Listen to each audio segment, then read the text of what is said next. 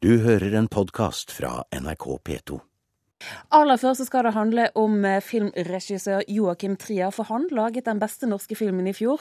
Det mener Norsk Filmkritikerlag. I dag fikk han Filmkritikerprisen, og den fikk han også for fem år siden for sin første spillefilm, 'Reprise'. Og i år så var det en sjelden enstemmighet i juryen om at Oslo 31. august var den beste norske filmen i fjor. Hei, Iselin. Det er meg igjen. Eh, jeg vet jeg har sagt mye før, og sånn, men jeg har det bedre nå. så jeg har det. Du kommer til å se det. I filmen 'Oslo 31. august' treffer vi Anders. Anders er narkoman under rehabilitering, men takler ikke livet særlig godt. Etter et mislykket selvmordsforsøk tidlig i filmen følger vi ham sakte nedover mot hans personlige endestasjon. Dette er Joakim Triers andre film, og det er andre gang han vinner Filmkritikerprisen.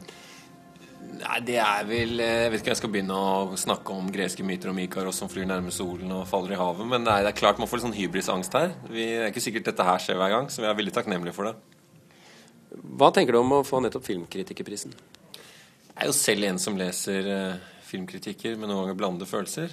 Jeg sa litt sånn i min tale i stad at uh, å spørre kunstnere hva de syns om kritikere, er litt som å spørre en uh, lyktestolpe hva de syns om hunder. Men i dette tilfellet må jeg bare si meg veldig takknemlig for, for denne æren.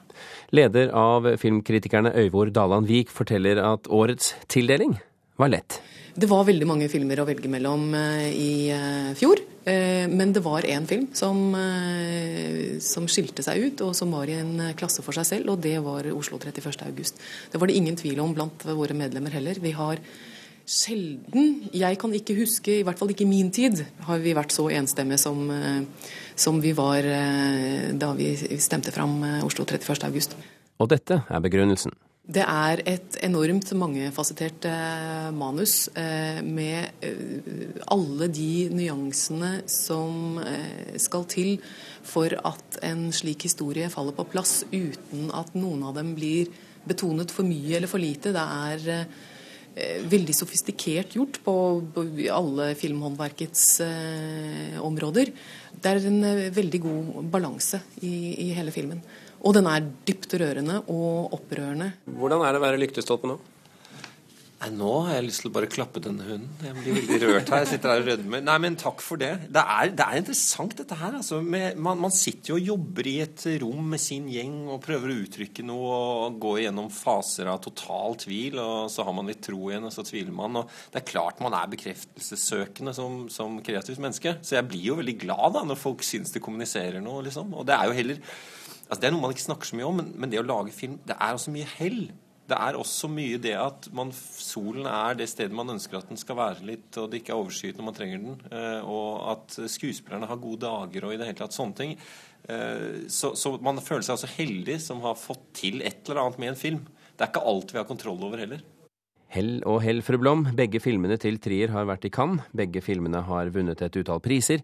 Oslo 31. august var nominert til Nordisk råds filmpris og skal til Sundance filmfestival, der reprise også var. Og selv om ikke filmene hans blir store publikumsuksesser, så klarer han med begge filmene å begeistre anmelderne. Men siden vi nå snakker om Filmkritikerprisen, har du vært enige med kritikerne denne gangen? Har de skjønt hva du har villet? Er litt redd for å uttale meg om noe så generelt. Altså, det har vært eh, i noen tilfeller veldig, eh, veldig hyggelig å se at folk har giddet å diskutere tematikken. Det som skjer noen ganger, er jo at filmkritikk ikke blir filmkritikk, men filmanmeldelser, hvor alt handler om kvalita en kvalitativ vurdering. Er dette bra, dårlig, middels osv.?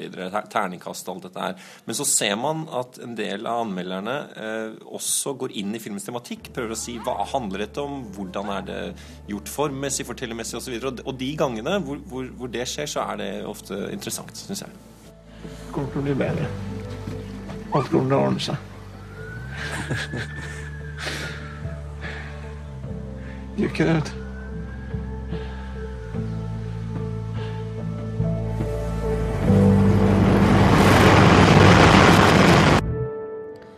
Ja, Det var vår reporter Birger Kolsrud Jåsund som møtte Joakim Trier, som altså, eh, som vi hørte, var representert på Cannes-festivalen i Frankrike i fjor. I år så ser det ut til at Cannes-festivalen må klare seg uten norske filmer og regissører, i hvert fall foreløpig. Men eh, den prestisjetunge festivalen har sikret seg et usedvanlig sterkt stjernelag av regissører i år. En del synes programleder i Filmbonanza, Vegard Larsen. Utgangspunktet er at i dag så fikk vi vite hvilke filmer som deltar i hovedprogrammet, altså de som kappes om å vinne Gullpalmen. Vegard, hva er det som gjør at du har latt deg begeistre? Altså det er, Vi har fått vite 23 titler i dag. Eh, det kommer nok et par drypp til før festivalen starter 16. Eh, mai. Eh, men 23 titler, derav mange, mange store, sterke filmmenn. Ingen kvinner i år, ingen nordmenn i år, ingen svensker i år. En danske er å finne blant dem. Men det er masse kjente, gamle travere som har vært på Cannes-festivalen mange år tidligere, som har tydelige signaturer som representerer i år med nye filmer. Ja, Da må du komme med eksempler. Ja, altså Det åpner med Wes Anderson, en slags indie-helt uh, fra USA. Uh, sist lagde han uh, Fantastic Mr. Fox. og nå, er han med en film som heter Moonrise Kingdom. Han åpner festivalen. og så har vi navn som David Cronenberg, filmatisert Don DeLillos roman 'Cosmopolis'. den får vi se. Michael Hanneke, som har vunnet Gullpalmen tidligere med 'Det hvite båndet', er der med en ny film. John Hillcott uh, kommer med en film som Nick Cave har skrevet manus til. Ken Loach, briten, kommer med en ny film. Christian Mingu kommer med en ny film han har vunnet prisen for. Altså, det, er, mange navn som kanskje ikke er så kjente for folk flest, men som er veldig kjente for sine file.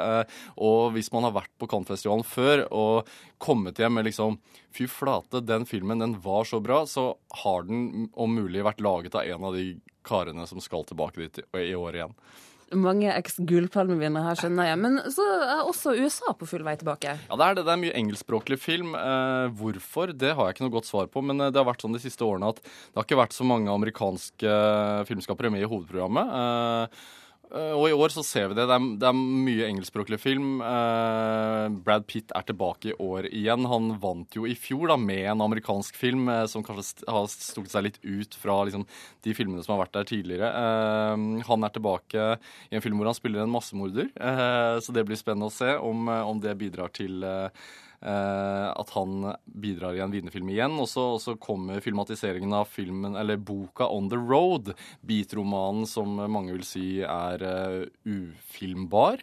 Um, så den blir også veldig spennende å følge med. Det er morsomt at uh, det Twilight-paret, uh, som er kjent gjennom Twilight-filmene, spiller i hver sin film. Kristen Stewart spiller i On The Road, mens Pattinson spiller i Metropolis. Så begge de to vil være der og kaste glans på det, for det er litt sånn glamour er jo også viktig viktig, da. Ja, hvor viktig da? Altså, det er jo både Hollywood-stjerner og skikkelig eh, bautaer innenfor regissører som er her. Altså, det er viktig for oppmerksomhetens skyld. Eh, det gjør jo at eh, kan festivalen få mye oppmerksomhet. Det er jo sol, det er lettkledde damer, det er drinker og, og vin og, og, kjendiser på røde løpere. Men, men det er aldri tvil om at det er filmene som står i fokus der nede. Eh, og det gjør det virkelig i år, og det kan man lese ut av de 23 navnene som står på programmet. Du har hørt en podkast fra NRK P2.